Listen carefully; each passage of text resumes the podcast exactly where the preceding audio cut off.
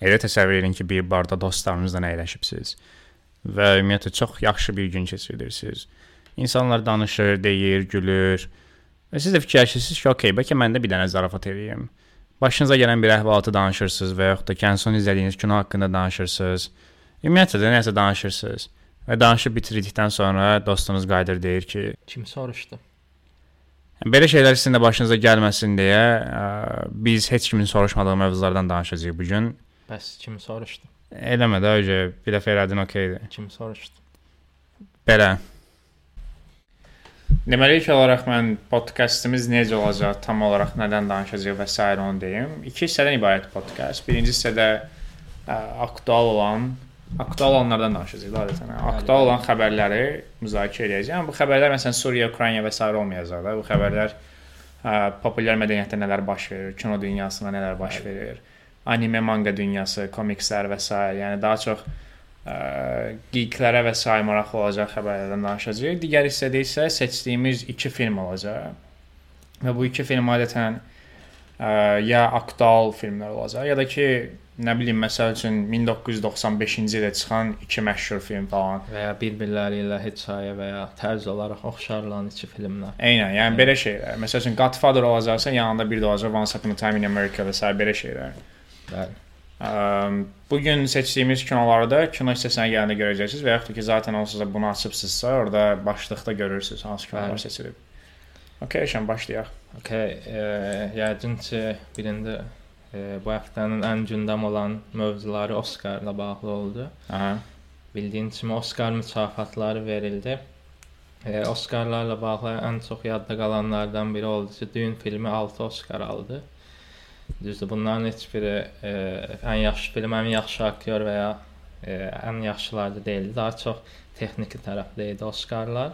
Ən yaxşı filmi Coda aldı, ən yaxşı rejissoru Jane Campion. E, Bir-bir istəsən, Campion yəni keçməyək. Məsələn, Best Picture-da, Okay. yəni ən yaxşı filmdə Koda. Kodanın alması. Yəni açığı ə, məncə yenə Oscar belə yumşaq oynadı. Oscarın ümumiyyətlə yaxşı oynadı. kinolarla bağlı problemi var. Yaxşı kinolar seçmir. Əslində Kodan çıxsaq məsələn geridə qalan filmlərə bax bir dənə Don't Look Up, Belfast. Don't Look Up-ın orada olması onsuz da çox Onun mənasızdır. ümumiyyətlə adını şey eləməyək məndə. Mən də Amma məsələn The Power of the Dog ola bilərdi də. Mən Power of the Dog deyirdim, amma e, Drive My Car e, verməmələrini başa düşə bilirəm. Son neçə ildə artıq xaricilərə verirlər. Və Parasite falan verdilər. Şey oldu da biraz. Eynən, biraz. Bəsdir də. Bir yəni. il Yapon, bir il Koreya bu kifayətdir. Yapon Yəni. verməmişlər, amma nə? Roma da Best Picture almışdı. Yox. Mən Yox. ən yaxşı xarici aldı. Okay. Bəlkə Ha, eynən Koda aldı amma deyək. Koda onsuz da şeydir səfərlərimsə. Həm də Koda işlədiyi mövzuda Oscarın kriteriyalarına çox uyğundur sanki. O heç hansısa Oscar, məsələn Green Book Oscar almışdı yəni. o il çox. Ay, həmin yəni. il idi də Roma ilə Green Book-un bir yerdə olduğu. O idi. Həmin il idi, hə. Mən də Dune-un danışaq da amma.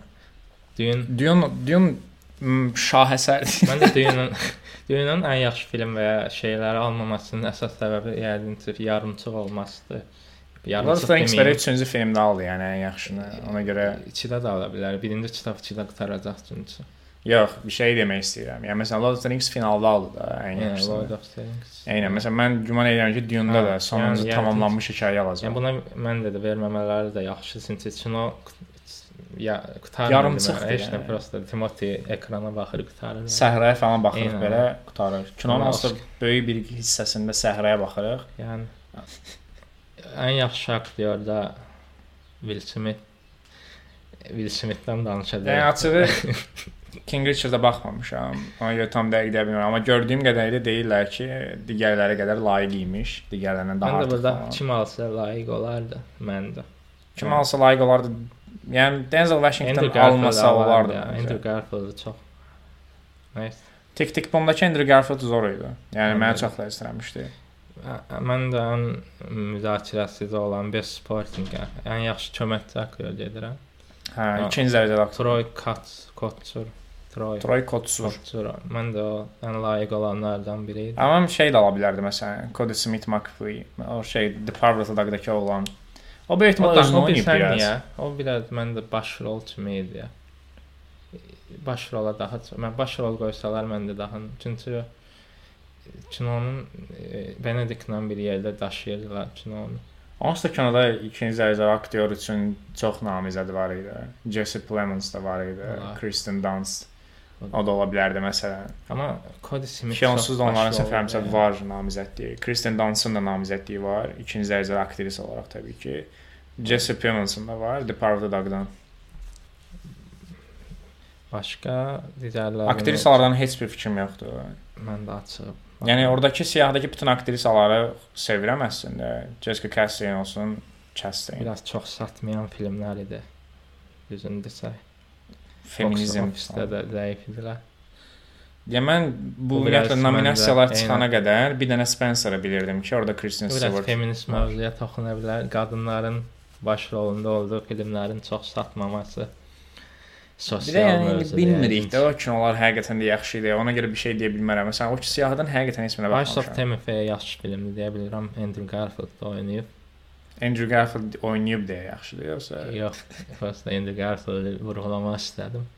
Nicole Kidman var, yəqin ki, yaxşı oynayıb. Olivia Colman onsuz da almışdı bir neçə bundan qabaq. Olivia Colman e, arada bir gəlir onsuz özü üçün. Ən yaxşı e, köməkçi aktrisada da əslində qəşəng.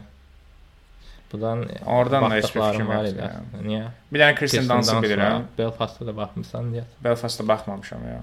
Yox. Orada da Judy Dench. Aslında Judy Dench nə bilim, bilmirəm. Yəni mən şeyə problem yoxdur. Yəni məsələn mən bilirəm ki, burdakı aktrisalar yaxşı rol oynayıblar. Mən əminəm ki, Jessica Chastain olsun, Olivia Colman olsun, işlərini layiqincə görüblər.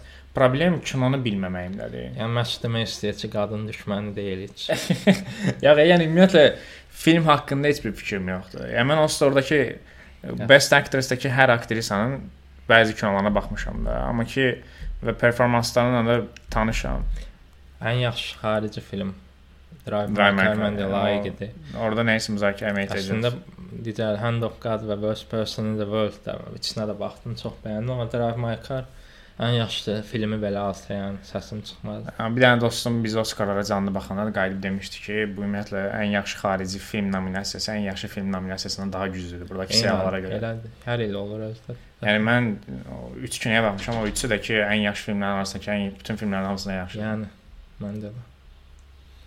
Ən yaxşı animasiya. Animasiyalardan biri Lukaya baxdım. Ə, ki əslində biraz da Lukanın qalib gələcəyini fikirləşdim. Amma ona görə fikirləşdim ki, Encanto barədə bir fikrim yox idi. Sən demə Encanto Amerikada konkret qasırğa kimi bir şey yaratmış yəni. Machines baxmadım. Ona da baxmışdım. Netflixdə idi. o. Biraz məndə zəif qalırdı nisbətən, amma O Oscar alası animasiya filmi deyil onsuz. Başqa ən yaxşı musiqidə Billie Eilish adaşım aldı. Xeyir olsun.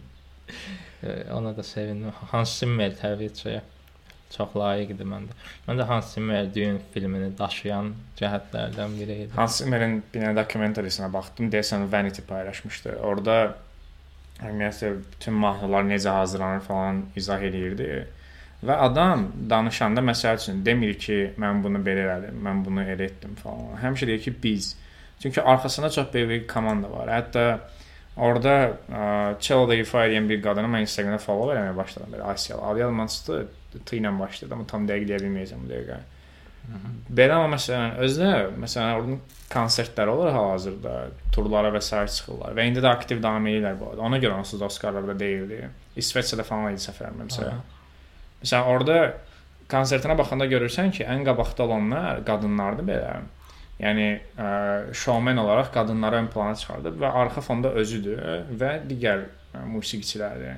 Məsələn o Hans o komandaya baxışı, komandadakı o gender balansını qorumağa çalışması və s. mənim çox xoşuma gəlir. Hans Zimmer həqiqətən şəxsiyyət olaraq da çox böyük şəxsiyyət. Hmm. Yəni bütün reportajlarına, müsahibələrinə falan baxsa çox hiss olunur bu həqiqətən.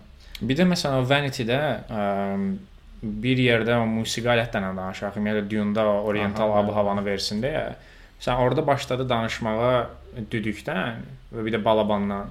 Sadəcə orada belə Armeniya düdük falan söhbət var idi, amma mən ona yenə də baxanda indi Armeniyan olaraq tanına bilər, amma istərsəm biz də istifadə edirik də. Ona görə biraz da şey oldum ki, bu adam həqiqətən baxır mədəniyyətlərə, ölkələrə ki, mən o vibe-ı vermək üçün hansı musiqi alətlərindən istifadə edə bilərəm və s.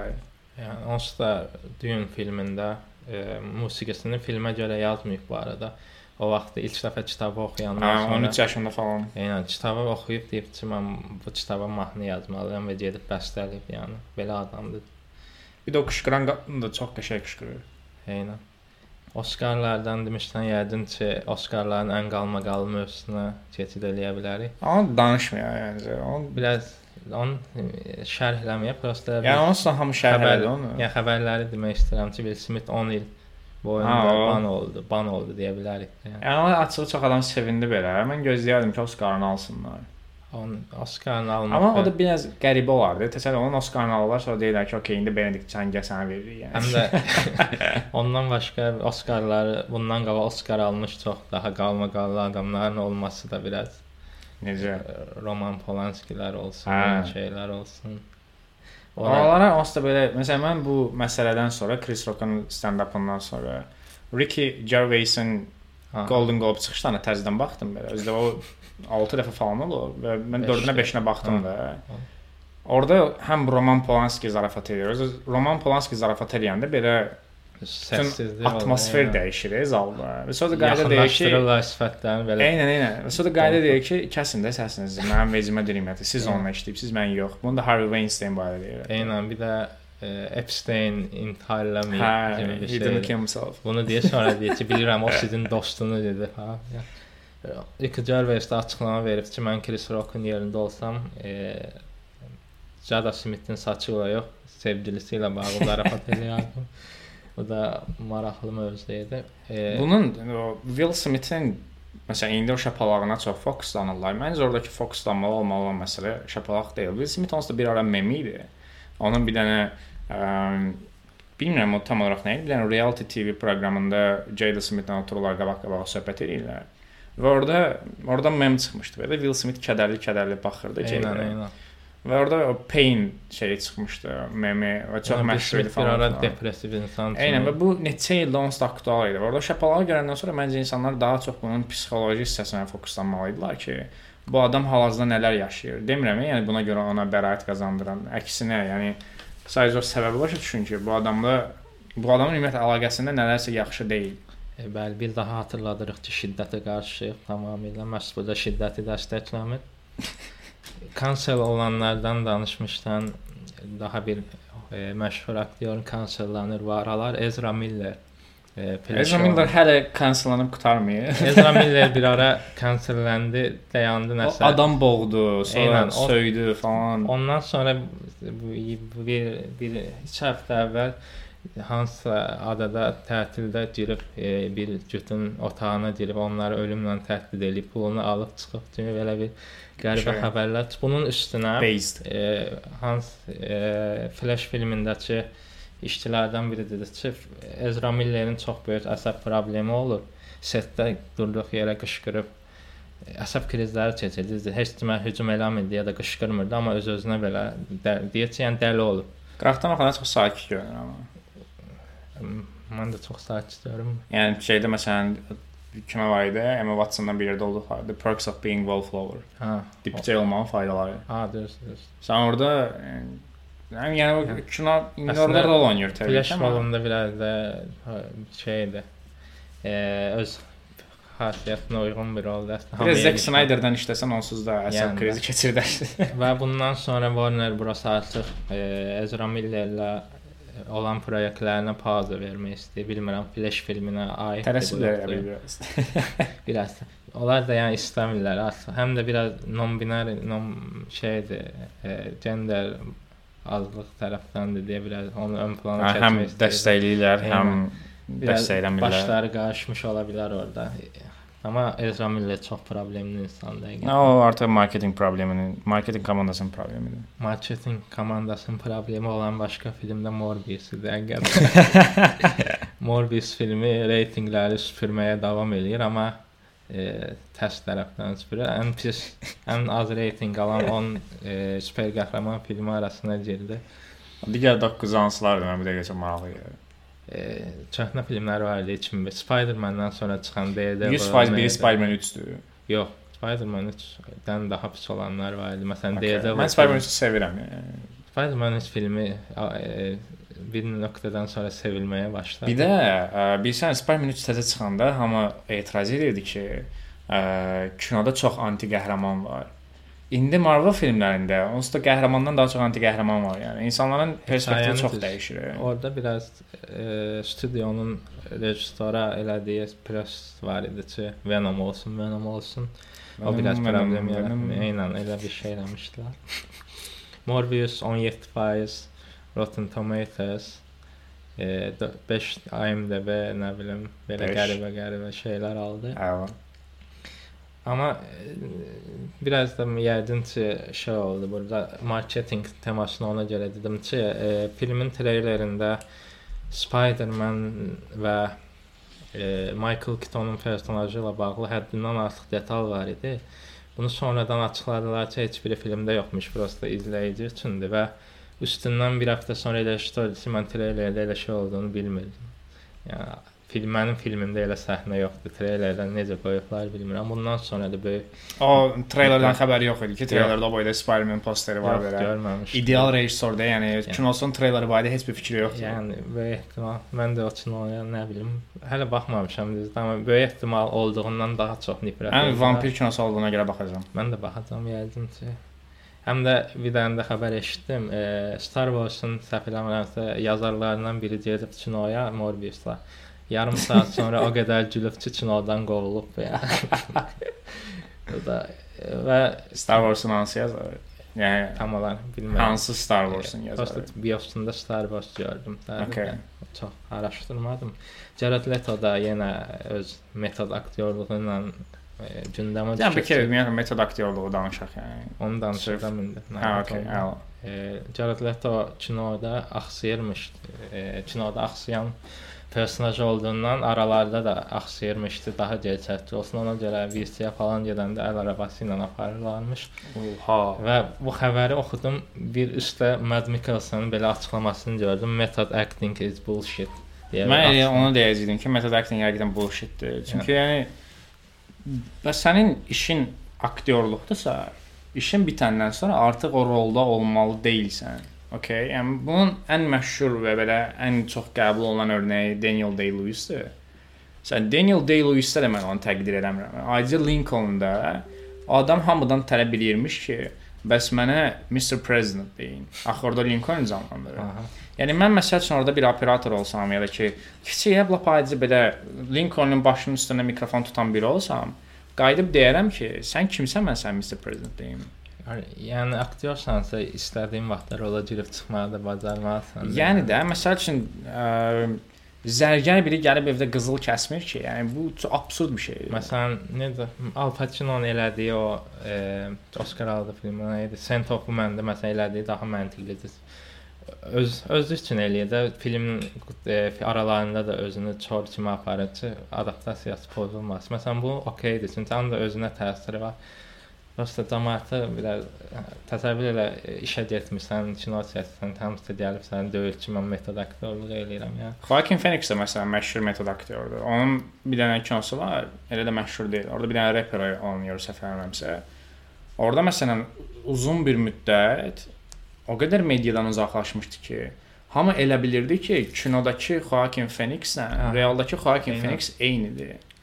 Yəni bu çox böyük bir şeydir. Belə adam həqiqətən öz vaxtını, həyatını və s. investisiya edir ora. Bunu Bunu təqdir edən adamlar boş yerə təqdir edir. Bu təqdir olması bir şey deyil. Hitler o Joker performansında çox böyük qalmaqal yaratdı bəs ölümündə təsiri oldu falan. Ha. Kimi. Mad Mikkelsen də deyir ki, yəni film çox pisdirsə, yəni film roldan çıxmalı deyirsən, ümumiyyətlə o rola ən başda girməməli bir açıqlama verir.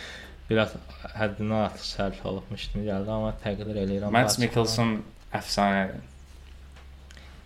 Bəli, e, seriallar bu ara çox Mads Mikkelsen ə, onun məsələn şeydə də ə, anazaran. Another Round in Another Drunk deyəcəydim belə. O axı şeydə durubdu belə şey. Ha, Orada da çox yaxşı idi. Yəni mən ümumiyyətlə onu gördüyüm və yaxşı olmadığı rolu yoxdur. Filmi var, biri var idi məsələn. Netflix-də çıxmışdı, action filmi idi belə. oynayır. O action filmin adı nə idi? P, ilə başlayır deyəsən. Sən o çox mənasız, absurd kino idi, amma rolu yenə də yaxşı oynayırdı. Matt Mikkelsen'ın görünüşündən hətta filmi çıxartmaları çox qəribə görünüş var. Yəni tam Hə. film üçün, kamera üçün. Yaşlanıram adam. Bu həftə başqa çoxlu seriallarla bağlı yeni məlumatlar gəldi. E, ondan qabaq əslində e, iki e, yeni film e, reytinqindən danışırıq. Onları da qeyd edeyim. Birincisi Everything Everywhere at Once filmi bu yaxınlarda sinemaya çıxdı və e, reytinqləri Bu şeylər mənada süpürən filmlərdən oldu. bu Everything'lər, Summertimes'lar, Sometime'lar, Anytime'lar falan. Yəni bu təzə trend falandır belə kinoların adları Elədir. Samlar falan. Hətta bir də filmdə e, Nicolas Cage-in oynadığı filmdə mən qısa yazdım. Massive Talent amma Unbearable Weight of the Massive Talent deyə bir kino var. Kinoda Nicolas Cage kimi oynayır? özünü. Bəli, təbii ki, Nicolas Cage oynayır. və Onun reytinqi səndə neçədir? Neçə? 100% Rotten Tomatoes. Düzdür, Okay. 25 kritikdən çox mən çox həyəcanlıyam bu filmə. Bu filmlər də artıq e, Everything Everywhere at All One sinemalardadır. Gedib baxa bilərsiniz. Ondan bağlı. Məsələn, dünənlərim Reddit-də ə, Ask Me a Question eləmişdi. İndi bilmirəm sizin üçün dünəndir yoxsa yox. Mənim üçün dünən. Yəni dünən ya da sırağa gün olmalıdı Mənim səfər üçün mənimsə. dünəndir. Bu da təxminən gün ayın 10-udur, aprelin 10-u. Nolanın statıyla bu mənim üçün dünən. Sə orada Nicolas Cage deyir ki, ondan daha doğrusu Nicolas Cage-dən soruşurlar ki, bəs David Lynch-lə əlaqə qurursunuz, axı onların Validat Hard filmi var. Ə, o da qayda deyir ki, mən əslində bu filmi onun rejissor olmağını istəyirdim. Sadəcə deyə pandemiya dövrünə düşmüşdü deyə. David Lynch deyir ki, riskə gedə bilmərəm və s. Ona görə başqa bir rejissorla danışmalıyam. Özünün oynadığı filmi. Hə, bu axırıncı filmi. Hətta mən e, baxdım ilk başda özünü özü oynamaq istəmirdi. Başqa aktyorun oynamağını təklif edib amma e, prodüserlər e, Bir də hə. Onun məsələn çətinliyi çox çəkir. Orada bir dənə də Reddit istifadəçi sual vermişdi ki, bəs indiyə qədər canlandırdığın ən çətin rol hansıdır ki, Nicolas Cage-in filmoqrafiyasında nə qədər çətin Hə. rollar var. Yaşıl qardaşları oynadı. Hə, hə. Amma məsələn deyir ki, bu kinodakı rol mənim üçün ən çətin idi, çünki həm insanların gözündə bir Nicolas Cage var, həm rejissorun gözündə bir Nicolas Cage var və bir də mənim özüm Nicolas Cage var. E, Yəni- bilmirdim mən hansını harda canlandıram. Bu bayaq dediyimiz metod acting olub bir növ yəni və Bu literally acting, E, yəni. Təsəvvür roldan çıxa bilmirmiş Nicolas Cage çünki özünü oynayıb. Həyatı boyu çıxmır da belə. Ölənə qədər eyni rolda qalır falan. Bəli. Hə, seriallara tuta bilərik. İlk başda Better Call Saul serialının e, rejissoru Vince Gilligan açıqlama verdi ki, son sezonda e, Walter White və Jesse-ni görməməyimiz ayıb olardı dedi. E, Okay. Better Call Saul, e, Breaking Bad-i çox sevənlər varsa, Better Call Saul-a mütləq baxın. Yəni heç bir fan servis eləmədən e, çox uğur qazanırlar və bir çoxları hətta Breaking Bad-dan daha yaxşı olduğunu iddia eləyir. Mən biraz qatıla bilərəm, amma müqayisə eləməməyə çalışıram. Walter Mən baxmamışam Better Call Saul-a. Amma bu ə, Breaking Bad-in əsas heyətində biraz oyuncaq elədilər kimi gəlir. O El Camino Ya indi də burada El falan. Camino da biraz fan service filmi idi. Yəqin ki, burada da nisbətən Breaking Bad-in əvvəli olduğu üçün yəqin ki, Walter-la Jesse-nin ilk tanış olduğu məktəb vaxtlarını görərik deyə təxmin edirəm, bilmirəm. Yəni o Better Call Saul-la nəsə aidiyyəti var onların tanış olmağının. Çünki biz onsuz da onların tanış olmağını serialda görmüşük. necə ola bilər? Saul Goodman-a qədər hər Yox, şeyi görmüşük. Görməmişdik. Mən şey edirəm, məktəb vaxtlarında. Hə, lap uşaqlıqdan tanış olmaqlar. Bəlkə deyirəm. E, Amma Saul Goodman-a nəsə dəxlisi var ki, ikisi də eyni şəhərdədir də bəlkə qarşılar. Onsuz da yəni burada böyük rol olmayacaq. Lap 5-10 saniyə görməyəcək Okay. yəni. Mən ə, şey məsələn, bu Saul Goodman oynayan aktyorun adı hazır yadımdan çıxdı. Bob Odenkirk. Bob Odenkirk. Hə, Bob Odenkirk'ın sağlamlıq problemləri olduğunu bilirdim. Ona görə fikirləşirdim ki, yəqin ki, Call Saul belə qalacaq. Sonradan düzəldi amma. Eynən. Bir ara adam həqiqətən ölürdü yəni. eynən. Eynən. Çox pis xəbərlər idi. Amma mən ən çox təqdir elədiyim şey 6-cı sezondan bu. Deyəsən. Dəqiq bilmirəm, baxmamışam. heç. Məncə 6-cı sezondur. 5 sezon boyunca e, heç bir e, Breaking Bad-dan e, nə Walter White, nə də Jesse aid e, böyük bir detal görmədən bizə Saul Goodman hekayəsini təqdim elədilər. Bunu böyük təqdir eləyirəm. Bir də ə, Bəli. bu yeri gəlmişkən Bob Odenkirk'ın olduğu bir dənə ə, Amazon animasiyası var. Animasiya. Hə. Aha, indi adına baxın. Aha, Bojack Andan. Horseman'ın Andan, eynən, eynən. Bu Andan animasiyasının yaradıcıları BoJack Horseman'ın yaradıcılarıdır və siz əgər həm BoJack Horseman sevirsinizsə, həm Bob Odenkirk sevirsinizsə və bir də ümumiyyətlə belə ekzistensial mövzulara toxunan mövzuları bəyənirsinizsə, bu Andan çox super animasiyadır və bu yaxınlarda da hətta bu ay, aprelin sonları falan ikinci sezon gəlməlidir. Birinci sezon bir neçə il gəl, əvvəl gəlmişdi. Mən hətta baxdığımı unutmuşdum, yəni. Amma bu yaxınlarda bir də baxanda BoJack-a gördüm ki, ha, belə bir animasiya da var idi falan. Maraqlandım ki, ikinci sezon gəlirmi? Gəlir. Bəli. Bu arada Moon Knight-ın e, çox gözlənilən e, Marvel seriallarından biri idi. Yəqin Moon Knight-ın 2 bölümü artıq yayımlanıb. Ha, bilirəm. 3 olsun baxacağam. Mən baxdım 2 bölümə. Oscar Isaac ayaq üstə alqışlanmalı performans dəqiqətən. Adam e, təsəvvür edin ki, iki personality, iki şəxsiyyətə sahib e, bir adamı canlandırır və ikisini elə oynayır ki, sən elə bilirsən ki, ekranda iki fərqli aktyor var. Və metod aktyor deyil. Deyil. yəni belə də olur. Bəli, roldan çıxanda bir iki aksenti qalmayıb. Adam özü də Mərkəz Amerikalı. Bu arada Ethan Hawke da var filmdə, onu da həqiqətən. Ethan Hawke-ın mən bir e, açıqlamasını oxudum, e, roluna necə hazırlandığını danışırdı. Bu metod akting eləmirdi bu arada, sadəcə araşdırırdı ki, yəni düşündüm ki, bəs e, bu belə xəstəliyi olan insanlar ən çox nədən qorxar? Həkimlərdən. Deməli biraz həkim olmalı idim. Həmçinin biraz e, ortada şey var, mifologiya var, biraz da papaz rolu, papazla həkimi birləşdirilir falan belə. Yəni mən belə şeyləri çox sevirəm. Oynadıkları personajları həqiqətən araşdıran adamlar. Yəni adamların işi bu dərsini. Bu tam Yəni, sevilməməlidir, amma Çox yenə eləmirlər amma bu aralar. Yəni, elə də. Prosta e, axsıyırlar film setində, elə bilirlər ki, yaxşı oynayırlar. Ethan Hawke demişkən, bu ə, Before Sunrise, Before Sun, Before trilogiyasının rejissoru Richard Linklaterın bu yaxınlarda təzə filmi çıxdı, animasiya. Hal-hazırda Netflix-də yayımlanır. Baxmamışam, amma ona baxmağı planlaşdırıram belə. Ümumiyyətlə bu streaming servislərinin olması ə, çox adam indi ümumiyyətlə bu böyük rejissorları falan, xüsusilə box office işləyənlər və s. çox təəssüflənirlər streaming servislərə görə. Amma məncə bu streaming servislərin olmağı ə, rejissorlara çox ə, sahə verir ki, onlar orada rahat gəzsinlər, Eynən. oynasınlar. Streaming servislərə olan nifrət varsa da başa düşmürəm həqiqətən. Həm büdcə ayırırlar, yəni Irishman filmində Scorsese bütün rahat. gedib heç kim deyir ki, biz çox bu qədər pul verənməliyik. Netflix deyir ki, yox. Yəni məsələn bu Linklaterın bu animasiyasını böyük ehtimal heç bir studio qarşılamazdı. Yəni Zaten məsələn Kodanı da alan Apple oldu. Distribution haqqlarını aldı, şey- yayımlanma haqqlarını. eynən yayımlanma o da biraz şey üçün elədilər, marketinq həmləsi. Amma yenə də eləyirlər də. Məsələn mən bunu təqdir edirəm. Mən də təqdir elədim.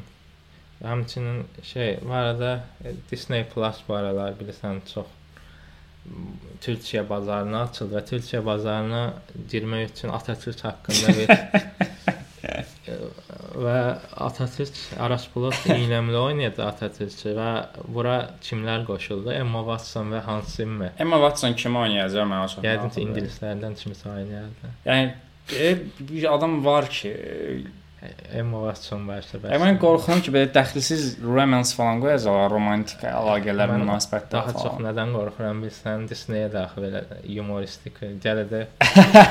İnanı gələcək paşam ordular gəlir, o da deyəcək please Scooby Doo this shit. yəni elə bir şey olmaz deyim deyir, amma Hans Zimmer də var da. Paşam paşam inanı ordu gəlir. Ha ha, mənə də ordu. Zendaya gəlir. çıxacaq belə ara yerdən falan. Deyəcəksən indi düz istəməlisən falan belə. E, şeylər, Atatürk zəndə aktyor oynasaydı məsələn. Bu arada Aras Bulut yaxşı aktyor. Mən də də tam şeydir, dünya görüş türklərin digər aktyorlarına müqayisədə bütün türk aktyorları izləyəsə üzr istəyirəm. Ümid Bu arada rejissor şey rejissordur. Kaybedənlər kulübünün və bu axırıncı məşhur Aras Rejissora Bulutun kinosu baxmadım. çıxdı. 7-ci koğuşda Mucizə nəvində falan belə. Elə Aras Bulutla işləyən. Hə, o kino bərbad kino idi, yəni adaptasiya idi, amma Kaybedənlər kulübü ikonadır da. Yəni eee bundan başqa Disney Plus Ahsoka e, Star Wars'un Ahsoka personajı haqqında serial çəkdi və bölümlərinin bir çoxunu Peter Ramsey rejissorluq eləyəcək. O da Spider-Verse-in rejissorlarından biri okey. idi. Live action'dır yoxsa animasiyadır? E, animasiyadır, amma şey animasiyadır da. Animasiya? capture. Okay, oha, çox belə niş animasiya. Görsən elə idi. Ümid edirəm səhv məlumat verirəm, amma Peter Ramsey-nin Spider-Verse-una baxmamısınızsa, mən də baxmalısınız. O Spider-Verse animasiya olan deyirsən də. Onun animasiyalar animatorlarından biri ə, adı çıxdı Albert nəsə nəsə belə bir şey idi. Tam xatırlamıram bu dəqiqə. Onun ə, təzə animasiya filmi var idi. Keçən il ya da bu il tam dəqiq bilmirəm nə vaxt çıxmışdı. O da onsuz Oscarlarda ən yaxşı qısa animasiya filmini aldı. YouTube-da var bu arada hamısı. Michelle Machins'da da Spider-Verse-in komandası var idi. O komanda çox əcdaha Hiss komanda. olunurdu əslində. Mən baxanda fikir verdim ki, 100% bunda varlar və araşdırma gətirən var. Ha bu Albert dediyim bilsən Alberto-ya da bilsən hansıdır? Ə, şey var, e, animasiya. Əvvəllər David Fincher eləmək istirdi, sonra elə bilməmişdi Netflix-də çıxan Love Death Robots. Ha, David Orada bir dənə bölüm var, e, ə, ən sonda təkrarlanır hadisələr. Və maraqlı da bir dənə animasiya hissəsi var. deyəsən yadıma. Tam adını xatırlamıram. Ə, amma eyni yerdəndir yəni. Okay. E, Love Death and Robots e, ikinci sezonu yoxsa birinci sezon? Birinci sezondan. İkinci sezon çox pis idi onsuz. O, o da qəşəng animasiya idi əslində. Çox qısa-qısa idi özdə ən rahat animasiyalardan biridir. Yəni mən ümumiyyətlə antologiya animasiya olanda xoşuma gəlir. Aha, The Witness, Şahid. Ha, Alberto Meigo. Meigo və yaxud da Meigo indi haralıdırsa ona uyğun E, bütün Meksikalı dostlarımızdan üzr istəyirik. Alberto Meksikalı değilmiş bu arada mən də üzr Meigo değilmiş. Spanish imiş. Span. Spanish. Aynı şey. Okay. Neyse. bu arada Warner Media Discovery Channel-la birləşdi. Bundan sonra Warner Media Okay, Warner. Brothers Discovery olaraq. Və Tamam, Stanley e, Cooper Price House. E, şey olmasının səbəbi odur ki, Warner Brothers-in CEO-su istifaya getdi. Bundan da ən çox sevinənlər Snyderverse çox dünyanın ən iyrənc fan tayfası var. Aranızda varsa bizi izləməkdən izləməyin. Ya belə Tim Wolf'un fan base var. Onlar vəbşəm. Onları bilmirəm açıq. Təsəvvür Oscar-da e, birinci fan şey var. Gördüm hə, ayda. Dünyanın ən pis filmi sırf Snyder Çox- deyə qoydular birinci. Zombilər falan olan deyəsən. Netflix-də. Bu həmin CEO Snyderdən xoş gəlmirdi. Ən qarşı olan o idi Snyder və onun getməsindən sonra düşünürlər ki, bərpa olunacaq, amma düşünməyin. Ümumiyyətlə gedin, yəni biraz arada real kinolara baxın ya da Ota toxunun. Ota falan toxunun. Yəni təbii nəfəs alın. Bəsdir uşaqlar, yəni Justice. League yaxşı film deyildi. Zack Snyder Suitsin, nəysə, Dörtdoyanın, danışmaq istəmirəm. Sigma Male var. Əsəbləşdim yenə. Arxa fonu. Yəni Batman və Superman-in mən anamın adını dedim deyə dava eləyib, sonra riski barışmaları falan. Batman'in bir sənə qədər Palajeni videoları var Instagramda. Arxa fonda gedir görə. Okay, onun linklərini atarsın. Kron serialının prequeli olacaq. Yəni hadisələr Krondan əvvəl başlayacaq. Yeni serial üzərində işlər gedir. Okay, xeyirli olsun. Yəni mən açıq belə Krona baxmamışam, sən baxmısan. Krana baxmamışam, amma onu deyəcəydim ki, bu İngilis taxt, tac, şahzadə, lordlar və s. bu məsələlər ləzzət eləyir. Məsələn, şeyə baxdım bu yaxınlarda, Downton Abbey. Downton Abbey yəqin ki, indiyə qədər baxdığım ən uzun belə və ən yaxşı dramlardan biridir. Möhtəşəm idi yəni. Yəni siz onsuz da həmin ə, Downton Abbey-dən Breaking Bad falan filan təsir gözləməyin, elə deyil.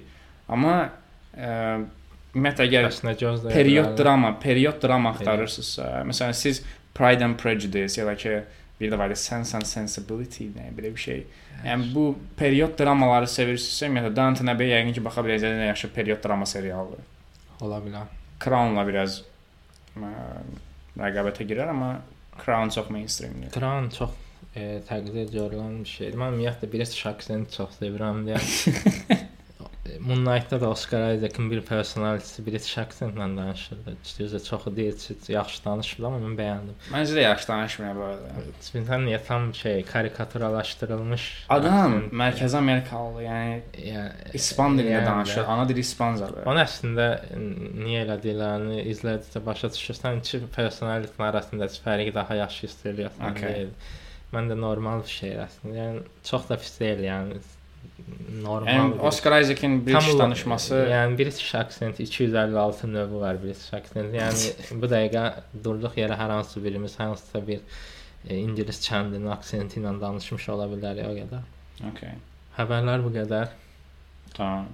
Bu gün gündəm belə idi. Will Smith-in şapalağı kimi bir gündəm oldu həqiqətən. Bəli, e, kinolara keçə bilərik. Keçək. Hansından başlayaq? Koda ilə başlayaq. Başlayaq. Okay, koda öz haqqında danışmayacağam hansısa internet edən bir şey var da, yazın baxın ilərdən danışır. Ümumiyyətlə kino ə, yəni kino konkret göstərir ki, ümumiyyətlə insanların bir-birinə ehtiyacı var. Burada çox radikal vəziyyətdə görürük biz. Ailəsi ümumiyyətlə eşidə bilmir. Ə, və Bəli. sadəcə Allah bir bildirir. qızları eşidə bilir. Və o da Yəni burada oxuyur. Daha böyük asıllıq yaradır. Və o da mahnı oxuyur demə də, sən öncə sinopsisi dedin, demə onu. Baxsınlar internetə özləri görsünlər. İndi biraz da baxmaq, qulaq asmaq üçün səbəb. Deyirsən ki, baxmayan hansısa buna qulaq bu qulaq asmasın məncə baxmayan. Çünki bir yerdən sonra spoiler olacaq, ona görə Yalan deyil, qulaq asın hər şey. bütün həvəsini üzələ bilər. Hətta like falan da. Açığı elə spoilerlıq bir şey deyil. Yəni nə spoiler ölə bilər. Mən qeydlərimi gətirməyi unutdum e, bu arada koda ilə bağlı. Əla. E, Amma yəni axırda e, eşitməyən ailə birdən bir eşitməyə başlamır, yəni narahat olmayın. Elə spoiler yox. Koda çox ə, Disney filmi idi. Öz sən də Disney, Disney Channel. Yəni o Disney şahzadələri olur ya, belə o vaxtı həm Anne Hathaway olmuşdu, bir ara Selena Gomez də olmuşdu falan filan. Konkret koda elə bir şeydir. Çünki bir dənə qızı gör, qızın dramatik ailəsi var. Qız high schooldadır. Yəni, bu arada coming of age olduğunu bilmirdim. Bilsəydim açıb daha tez baxardım. Okay. məktəbdə oxuyur, bullying, bullyingə məruz qalır. Ə, və bullyingə məruz qaldığı tayfadan bir dənə oğlanı sevir falan. Görürsüz, belə danışanda konkret Disney filmidir. Yəni Disney Disney filmi yox, Disney Channel filmidir. Amma bu kinoda bir dənə əsas məsələ var ki, personajlar dərin yazılıb. Yəni personajlar Eynən. dərin yazılanda hə, klişe mövzuların belə nə qədər yaxşı axırda belə nəticəyə uğradığını görə bilirik. Yəni sən klişe mövzudan istifadə edə bilərsən. Onsuz da ə, orijinal bir şey tapılmır son vaxtlarda. Yəni nə qədər multiverse filmləri çıxır, super qəhrəman olsa bir-birini təkrarlayır və s. Amma məsəl üçün orada Okan Bayülgen var idi, kodada. Bunun şeydə müəllimi də, musiqiçi hə. müəllimi. O Hə, konkret Eynən tam Okan Bayülgen. və o Okan Bayülgen məsələn çox klişe personaj idi. Eynən tam belə. Biraz şərq şeyi var idi. O Meksikalı axı. Musiqidən başa çıxsın deyə şərqli eləyiblər falan. Meksikaya şərqli deməyim biraz. Yox, Yəni- şey mənada axı westernlər o Hə, tərəfdə hə, hə, hamıya şərqli kimi baxırlar, oriental olaraq. Və üstə gəl onun belə Yəni- incəsənətlə maraqlıdır. O biraz dayadır elə belə. E, yəni ya, ya straight ya edir, falan filan bunu da bilmirik falan. Yəni, Çox klişedir, amma ki personaj artıq dərin olandan sonra ə, klişe mövzu belə olsa yaxşı olur və bu da sadəcə dərin olmayan klişe orada göl idi. Mən bu gölü demək olar hər coming of age filmində görürəm artıq. Yəni adam evindən çıxır, bir dənə meşəliyin içindən keçir, keçir, keçir və böyük bir göl çıxır belə Yəni, mənzərəli. Bu qədər göl var yəni. mən də Amerikada yaşasaq normal gələrdi bizə. Yox, indi hər də, hər dəfə qız istədiyi oğlanla gedib göldə üzməlidir. Yəni bu yəni Heydər Əliyev parkına apara bilmədiyinə görə yəni Xırdalanda göl var bu arada, amma göl göl deyiriz. Ceyran batan göldür, Soğan Mən də Şambayla amma çay falan Okay. nəysə. Soğanbarında üzmək olmaz da, yəqin cəmaət o su içir. Yox, olmaz çünki ölümcül həsarət. Əgər izləyirsinizsə ya da qulaq asırsınızsa su anbarlarında üzməyin uşaqlar, çünki ölə bilərsiniz. Bəli. Amma bu- böyük bir kanyonun ortasında olan gölə hoppanın. Halbuki orada Bəli. meşəyə yazılır ki, no swimming. bəli. Siz yenə də hoppanın yəni. no sivil arada o elə suda- üzməyə davam edir. Elə suda üzmək də çox çətindir, çünki çox soyuq olur. Onsuz da özləri də deyir ki, burada qaya falan var, ölə biləriklər. Yəni, Amma yenə də çıxıb tullanırlar falan. Yəni yəni, çox Disney idi o yerləri. Mən hər dəfə is gözləyirdim ki, tullananda yəqin oğlan ölüb eləyəcək falan. Ölmür heç kim kinoda da. ölsə çox kinonun bir Dəxlisi də yoxdur onsuz da, amma yəni adam 12 metr kanyondan hoppanır, bir şey də olmur falan. kinonun Bu qədər asan deyil. danışdın amma bu dəqiqə. Elədir də, yəni konkret Disney-dir. Deyil O, o, o hissələr çox Disney-dir. Ümumiyyətlə mən də kinonun ən birində qeyd edilməli tərəfi odur. Həmişə biz e, eşitmə qüsurlu insanlar ya da çarlarla bağlı filmlərə baxanda həmişə e, çarların bu canından baxırıq filmlərə ki, onları Bu arada political düşməyəcək. correctness tərəfdarları mən həqiqətən karın necə deyilməli olduğunu bilmirəm. Eşitmə qüsurlu və s. mən deyə bilərəm. Ona görə bu arada hə Eşən deyə bilər çünki nəysə. nəysə. Ə, ona görə tam dəqiq bilmirəm deyə kar desəm problem olmasın. bütün Olar. çarlardan üzr istəyirik. Bir də Çar körücə problem qəbulunu Azərbaycanda. Azərbaycanda bilməyəcəklər podkastda deyə məndə problem olmaz. Yəni ki, kiminsə kar dostu falan ola bilər. Çar dostlarınızdan üzr istəyirik. Mənim var bu arada. Mənim də kar dostlarım var belə. Mənim- siyahi dostlarım. Mənim yoxdur çünki nəysə. Harda qalmışlar filmdə? Koda. Eynən, koda. E, çarların çarların bucağından yox, çarların içində yaşayan bir qızın bucağından baxırıq və e, Orası çox maraqlı idi. Eynən, yəni bir e, onların həyatının əslində e, çar olmasaydılar belə aralarında olan bir kommunikasiya probleminin olduğunu görürük. Yəni Hə. Çünki fərqli-fərqli kainatlarda yaşayırmışlar kimi. Eynən. Mən kinoda ən çox bəyəndiyim nöqtə qızın qardaşı idi. Çünki ki- baş rolda deyildi və qızın düşünürsən ki, o Charlie və o ailəsi ilə daha yaxşı əlaqə qurar. Amma əslində elə deyildi. O biraz arxa plana atılıb. Və o tam qəbullanmışdı vəziyyəti. Məsələn, o deyirdi ki, ə, bizim kimdənsə yardım istəməyimizə ehtiyac yoxdur. onlar bizə dərs. Onlar Eynən. bizə gəlsinlər. Ki məncə bu çox möhtəşəm yaxınlaşmadır. Yəni hər hansısa bir minority qrupu, azınlıqda olan qrupu sən çoxluqda olan qrupdan izolyasiya eləsən, həmişə itirən olsa çoxluq olur. Çünki Hı. Nə qədər ə, müxtəliflik olsa bir cəmiyyətdə, o qədər faydalıdır. Ki bunu bilsən harda görürük? Onların əslində eşitməsələr belə perspektivlərinin çox fərqli olduğunu. Ə, qızın səhnəyə çıxdığı səhnə var, e, birinci xorla bir yerdə. Hə, eynən. Teatra gəlirlər. Məsələn, o səhnə də eynən mükəmməl səhnə idi. Hamı musiqiyə fokuslanır, amma axı bunlar heç nə eşitmirlər. Onlar həm insanları analiz edirlər, həm ə, geyimin pərdə ilə necə uyğun olduğuna baxırlar, həm mimika jestlərə fikir verirlər və s. Orada anası atasını deyir ki, bax bax bizim qızımızı alqışlayırlar. Eynən məsələn, orada artıq görürsən ki, bu adamlar indiyə qədər eşitməyiblər deyə hər şey çox fərqli perspektivdən yanaşırlar və bu konkret onu deməyə çalışır ki, itirən biz oluruq. Yəni eşidən və yaxud da ki, ümumiyyətlə heç bir qüsuru olmayan insanlar. Orada bir səhnə var, qardaşı gedib e, eşidən e, balıqçıdılar bu arada. Onlar bir pubda otururlar. E, qardaşı da deyir ki, mən eşitməsə belə orada oturur və dava çıxır falan. Ha. Qardaşım burada bir növ e, özünün e, onlardan fərqli olmadığını, onların bir cəmiyyətin bir parçası olmağa çalışdığını görürük əslində. Aha. Bu və Yəni bu, bu birinci hissə çox yaxşı idi kinoda. və əs- mən ən çox bu, bu qardaşı başrol deyildi. Sadəcə yan personajdır və bütün hekayəni demək olar üstündə daşıyanlardan biri idi. Bir də məsələn o birinci hissədə var ha. Məsələn mən bilmirdim ki, bu qədər güləcəm bu kinoda. Mən birinci hissədə çox güldüm. Çox gülməli səhnə Yəni, idi. Yəni. Dəyişə çox güldüm birinci hissədə. Birinci hissə bu arada çox möhtəşəm idi. O ki ikinci hissə, ikinci akt başladı. səbəbini də deyək Troy Kotsur yəni Möhtəşəm aktyorlar var. Və bu arada Troy Kotsur-la bağlı belə məlumat verim. Mandalorian serialında e, orada bir tayfa var idi, əl işarəsi ilə danışan. Onların e, e, həmin işarə dilini Troy Kotsur yazıb. Qəşəng. Qəşəng bu arada həmin sektorda aktiv olaraq işləyir, yəni bu mövzularla bağlı. Əla. Şey belə özlərindən işarə yaratmaları belə oğlan gəlir qızla orada göstərir, əsərin başına papaq. yəni işarə dilində olmayan sözlərlə yenə əl işarələri falan danışır. Çox əyləncəli səhnələr var idi həqiqətən. Amma ikinci aktda getdilər gölə, sonra nə bilim qız çıxdı çox qəşəng danışdı. Pianist bilmirdi, müəllimi gəldi. Ən sonda ailəsi belə gəldi oturdu. Sonra aparıb yola saldılar. Yola salmamışdan əvvəl gəldi bir də qucaqladı falan. Yəni çox bir də ən sonda hələ şey də gördük. Gedib ətraf mühitdəki insanlara adaptasiya olmasını falan. Yəni niyə belə elədiniz? Nə ilə mən də normal idi çünki biraz şey pozitiv. Yəni, bu çox kino. feel good olur ya. Amma yəni kinonun bəli ssenarisi fransız bir filmlə adaptasiyadır. Yəni Belier Family olmalıdır. Ona görə adapted screenplay aldı. Ki məncə almamalı idi, mən də almalı idi. biraz onu. qəribə idi. Dün tamamlanmamış idi. Nə fərqi var? Kitabı O, tam adaptasiya edə bilməyiblər. amma elədikləri yeri möhtəşəm eləmişlər. Mən də Drive My Car ala bilərdi adaptasiya. Drive My Car niyə alsın? 40 səhifəni eləyiblər. Yəni 40 səhifəni Adam- eləyə bilməz adaptasiya. 40 səhifə 40 Düz dəqiqə əslində o eləyir. məndə original screenplay belə gedə bilərdi. Eynən, eynən. Yəni kino 3 saat falandır belə. Yəni Ə, Adam ora şeyə onu qatır. Drive My Car-da danışarıq. Okay. Əsəbləş.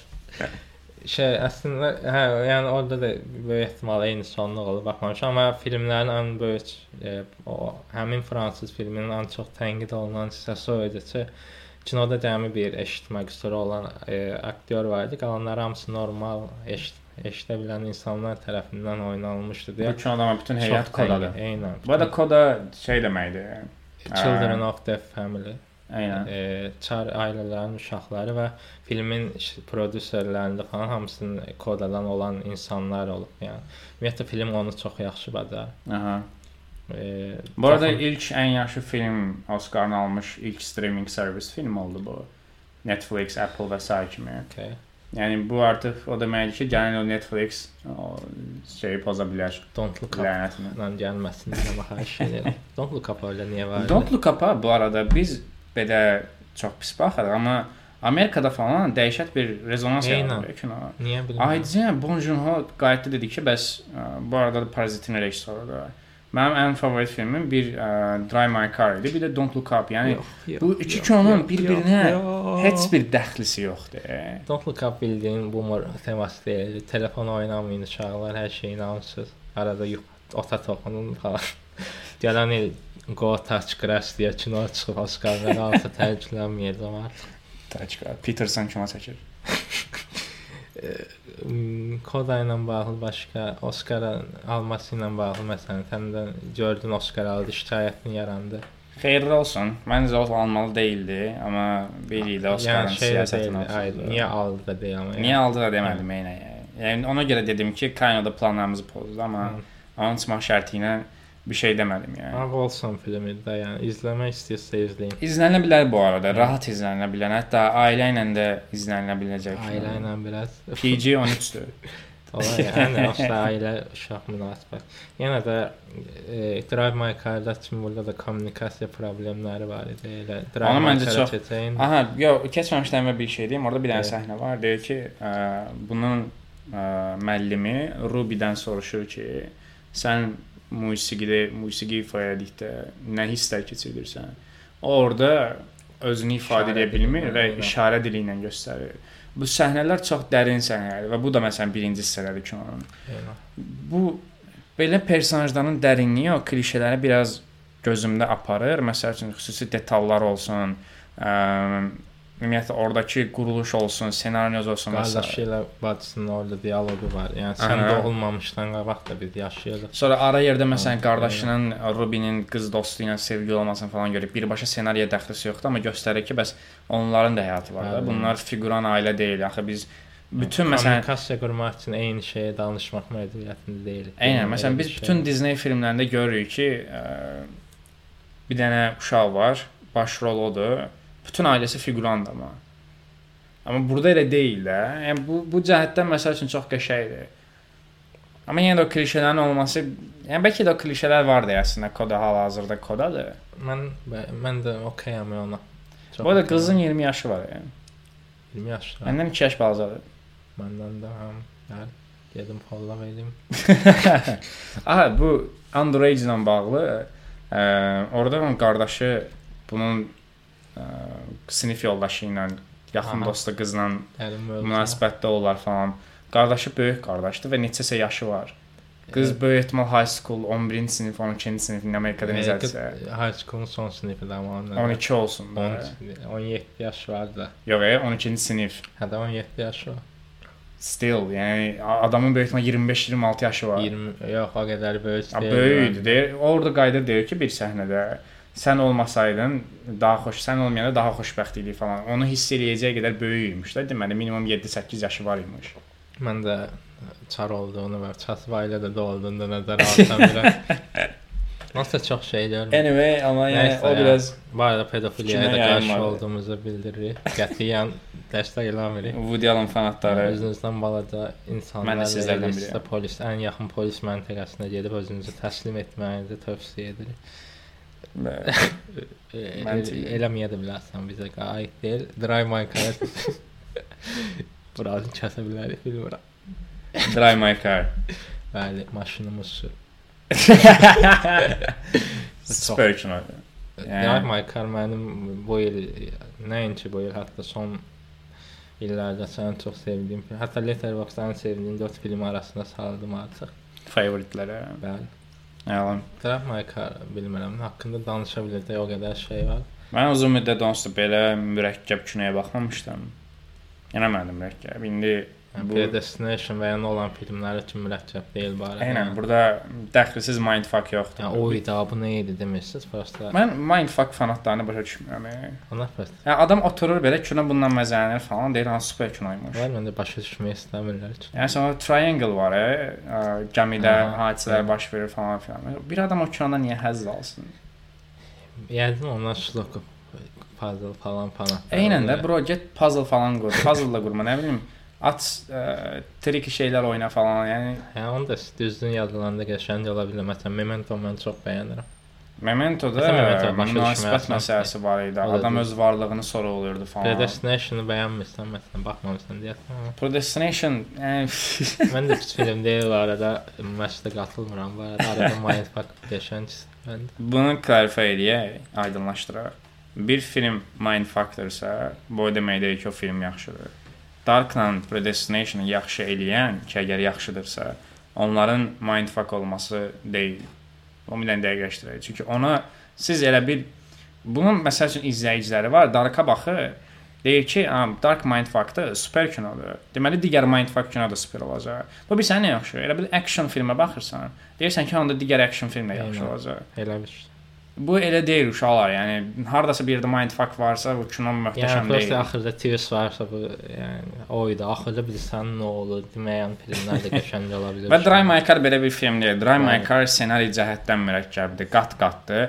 Mindfuck deyil, Amma amma My Car barədə e, Haruki Murakami'nin çox 30 səhifəlik falan bir qısa hekayəsini alıb üzərinə Anton Çexovun Vanya dayı əsərini də inteqrasiya edilmiş şəkildə əlavə edib bunları bir-birinə uyğunlaşdırıb hazır şəkildə qabağınıza qoyub. Belə yeməklər olur, qat-qat qoyurlar. Onun bir şeydir, amma onların bəzən e, onların da bilirsən də arada məsələn toster falan olur içinə hər şey atır, baxanda ürəyim bulanır. Bu elə deyil. Baxsan belə bu elə bu çoban Eynən. salatı kimi möhtəşəm seçimlər var içində. e, çoban salatının möhtəşəmliyi Drive My Car-ı nə qədər müqayisə etmək olar bilmirəm amma sadəcə içində pomidor pendir olan. Nəysə, hə. Hə, məsələn bu kinonun içində xiyarı götürsən və yaxud da ki pomidoru götürsən, bu artıq elə olmaz da. Yəni bu hamısı mürəkkəb bir formada yaxşıdır. E, analogiyanı dəyişsə xoş Dəyişək məncə dəyişək. Kinonu salata bənzətmə. Eynən, kinodan danışaq biraz. Kinodan elə şeydir, yəni danışıb baş salmaq olmaz, mütləq baxmalısınız. Kinonun Mütləq. e, title'ı 40-cı dəqiqədə ekrana gəlir, yəni. Hə, yəni mən- kinodur. Mən açığı onu birinci görəndə bildim qutarı. Sonra dedim axı 2 saat elə keçmir. Bir də baxdım ki, başlayırmış bu arada. Eynən biraz qəribə e, e, təcrübə idi o.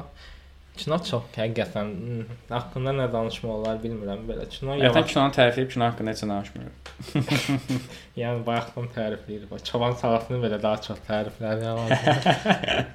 Kino bir insan, yenə e, bir insanın e, bir neçə insanın aralarında olan kommunikasiya problemlərinin bir-biri ilə uyğunlaşıb bu problemi həll etməyə çalışması kimi bir şeydir. Travmalarla üzləşmək, Eynən. İnsanların kədərini bölüşməyi, Evet. əslində bir insanın özünün kədərindən daha çox belə çünki məsələn bir insanın başına pis bir hadisə gələndə həmişə deyir ki, niyə mən və yaxud da ki, özünü dünyanın ən bədbəxt insanı falan hiss edir. Amma biz bu kinoda görürük ki, elə deyil. Word referansı yox idi bu. Deyil idi yox. Yox. Ona görə bədbəxt dedim, pis demədim. Ə, amma biz bu kinoda görürük ki, əslində kədər universaldır. Yəni əslində sənin bölüşdüyün kədərin eyni dərəcəsini də başqası bölüşür. Hətta daha Və bu kədərlər hətta bir yerdən sonra səni formalaşdırır. Və bunun da yeganə yolu onunla üzləşmək, onu üstələməyə çalışmaq və Hə, s. ki, bu kinoda onu o qədər möhtəşəm Hətta işləyirlər. kinoda bir personaj dedi ki, sən bir insanı heç vaxt tamamilə tanıya bilməzsən, yəni nə yaşadığını başa düşə bilməzsən. Bunu e, həmin o aktyor personaj var idi axırda türməyə Hə. falan düşür. Bu arada rejissorluq işi də yəni kinoda problemi olan bir şey görmürəm. Rejissorluq işi məsələn bir dənə səhnə var. Bizim baş personajla aktyor söhbət edir və amma kamera aktyora fokuslan, aktyor e, həmin o baş personaja yox, birbaşa bizə baxaraq danışırmışdı. Və orada ən məşhur səhnə e, kasetin maşına çevrilməsi falan. Ha, super səhnə idi. Çox həm yəni Və çox olaraq abartı falan da deyil. Yəni. Kiçik-kiçik belə o qədər möhtəşəm işləmişlər hər şeyi. Hətta Ə, bir yerdən sonra mən belə şey qalmışdım. Yəni bu kino ə, 6 saat da olsa açıb baxmaq Eynən. olarmış. Ümumiyyətlə mənim filmlərlə bağlı təkcə mənim yox, ümumiyyətlə filmlərin, ki- kitablardan, romanlardan ən çox ayıran şey odur ki, heç nə göstərəm danışmadan, yəni sırf görüntü olaraq nəsə bir hekayə başa sala bilər. Eynən, məsələn bu kino səni tpo yerinə qoymur. Eynən, o. Sənə deyir ki, baxırsan, nə başa düşürsən düş. Amma bəzi kinolar var ki, bu ən sonda konkret Yəni salırlar. çox trigger olduğum bir şey mövzudur bu. İndi bilmirəm axırıncı hansı kinoda mən buna trigger olmuşdum, yadımda deyil. Məndə çox kino var. Bu ən çox da Marvel filmlərində olur. Nəsə olur. Hansısa personaj belə dəxlisiz baş verən hadisəni izah etməyə Daha başlayır. çox sci-fi'larda bunu çox Hə, görürəm. sən kimə izah edirsən? Onun Eynən. ətrafında hamı onsuz o Bax, hadisənin içindədir. Bunu ona taxacam, çünki bunu taxdığım vəziyyətdə, yəni bilirik yaxşı eləmədən niyə edirsən? Sən onu taxdın, mən buna. Yəni o taxdığınızı ə, bizə deməsəz də olar. Yəni Məsələn, kinoda sadəcə Əlixan səssiz- kinolarında nə istəyirsən? Əlixan imin edirəm qulaq asmır. Kinoda sadəcə oturub danışmayan, siqaret çəkən iki dənə adam görürük və bu e, qısa bir səhnə bizə həddindən artıq çox şey başa salır. Yəni təsəvvür orada qayıdıb deyir ki, bilirsən mən də anamı belə itirmişdim. Aa, Ha. bax, mən o, o səhnənin ən pis veri versiyasını deyim. Məsələn, o kinoda bir dənə səhnə var, bayaq Eşan vuruladı. Deməli, ə, bu iki dənə kədərini bölüşən insan, ə, sürücü xanım və baş personaj rejissor. Bu ikisi ə, təsadüfi olaraq eyni sam eyni anda siqaretlərini maşının yuxarı pəncərəsindən nə deyirlər ona? Oradan belə çıxardılar. Lük deyirlər, nə deyirlər? Oradan belə əllərini çıxardırlar və siqareti ilə çəkirlər. Məsələn, bu səhnədə biz görürük ki, bu adamlar artıq bir-birlərindən tam empatiya qura bilirlər. Eynən. Bunun əksi bilsən necə olardı? Azərbaycan kinosu olsa və yaxud da ki, Türk kinosu olsaydı bilsən nə olardı? Rejissor siqareti aşağı endirəndə, siqaret çəkib qutandan sonra qayıdıb sürücüyə deyərdi ki, gördün biz necə yaxınlıq, ikimiz də heç eləmədən əlimizi qaldırdıq yuxarıya. Təsadüfə bax, dostum. Deyəsən Tanrının işidir ki, biz bir yerə gəlmişik, hə? Bax, mənim də e, səninlə eyni yaşda bir qızım var idi. Eynən, mənim də Eynən. arvadım ölüb falan. Bax, bəlkə də Drive My Car Visit. Ha, görsən, maşın sürürük, drive my Aynen, car. başa kinonun adına fikir verin. Drive My Car biz də maşın sürüyoruz. Başa düşdük. DiCaprio memo da belə. Eynən. Don't Look Up, bəli. yeah. Don't Look Up-da da vardı məsələn. Don't look up başda nə oyun onsuz da, yəni dayanmadan qışqırırdılar. Aa, gördünüz, prezident şey vecini almadı və dünya dağılır və bir ye- 76 saat bundan danışacağıq yəni. və Drive My Car-da izah olunan heç bir səhnə yoxdur, heç bir line, heç bir hadisə, Fikirləşsən. personajların heç bir fikirləri. Eynən. Baxırsan və bir növ refleksiya kimi, güzgüyə baxırmış kimi baxırsan Yəni bir də şey heç qeyd eləmədi. E, Vanya dayı Vanya dayı ortaya qoyurlar və Möhtəşəm. hər personaj ayrı dildə danışır, biri də işarə dilində danışır. Yəni Aha. bu özü belə yəni kinonun və Vanya dayını bilmirsə bu arada Vanya dayıda da hekayələr kinoda e, personajların başına gələn e, hekayə ilə paralellik təşkil edir. Və hərəsi ayrı dildə olması bir növ insanlar nə qədər fərqli dildə danışsalar belə emosiyalarla bir-birlərini başa düşürlərmiş. Yəni qısaca Vanya dayı ilə filmi izah eləyir, yəni çox çox yəni Bu- mükəmməl filmdir. Bəzən belə mənasız suallar olur e, ə, ki, başına gələn bu hadisəni bir sözlə ifadə elə, ya da ki, baxdığın serialı bir sözlə ifadə elə falan. bir cümlə. Mən bu falan. eynən bu suala nifrət edirəm, amma ki Drive My Car barədə bu sualı versələr, qayıdıb deyirəm ki, universal, yəni hər cəhətdən universaldır. Yəni həm kino göstərir ki, yaşadığımız emosiyalar beynəlxalq universaldır. Hər kəs dünyanın hər bir nöqtəsində sənin yaşadığın dərdin çox böyük ehtimalla eynisini Afrikanın ucqarlarında da bir adam yaşayır. Yəni bir insan bunu biləndə yalnız olmadığını artıq hiss edir, yəni. Üstəgəl zaten teatrda hər dildə danışılması, Eynən. ə, hətta dildə danışılmaması belə orada ə, eşitmə engelli biri də var. Bə, e, işarə dili ilə İşarə dili ilə danışır. Ya da Kore işarə dili, adi işarə dili. Ha. Yapon işarə dili yox. Kino Yaponiyada keçir. Və bir dənə də maraqlı detal var. Maşın, e, bütün maşınlar e, bilirsiniz Yaponiyada e, rol sağ tərəfdə olur. Kinoda baş personajın maşını sol, rolu sol tərəfdədir və bunun heç vaxt izah eləmirlər. Nə kimsə bu rolu ilə bir şey olur. Prosta görürük yəni. Bu da əslində biraz maraqlı detal. Sonluğu necə interpretasiya edin sən? Nəyi? Sonluğunu. Hə, sonluğu məndə e, sonluqda görürük həmin o bizim sürücü qadın normal Yox, sənin fikrin nədir? Onu demək istəyirəm indi, onu okey. deyirəm. Görürük ki, həmin e, bizim baş personajın maşınına minir və kinoya baxanda görürük ki, o maşın onun üçün qad e, ölən həyat yoldaşının bir xatirəsidir. Bu maşını həmin qadına verməklə həmin o xatirədən bir növ xilas olur artıq ölülərlə yaşamır da, yəni həyatına davam elədiyinin bizə bir mesajı idi. Həmçinin bunun davam eləməsi də qızın da davam eləməsi ilə paralelliyin göstərir ki, həm o, həm bu davam edirlər həyatlarına. E, hə, okey. Mən də interpretasiya etmişdim ki, artıq rejissor maşını o qıza verərək bir növ ə, həyat yoldaşının kədərini unutmuş olur, artıq onu üstələmiş olur. Öz həyatına davam edir. Eyni cəhətdə də qız öz kədərindən uzaqlaşır. Çünki o ümumiyyətlə heç məsələn kinoda konkret belə bir səhnə var ki, qız ə, öz travmasına geri qayıdır bir yerdə, kəndlərinə geri qayıdır. Bəli, bəli. Məsələn biz onu kinonun hər yerində görürük və hə- orada görürük ki, bu geri qayıdandan sonra artıq düzəlməyə başlayır.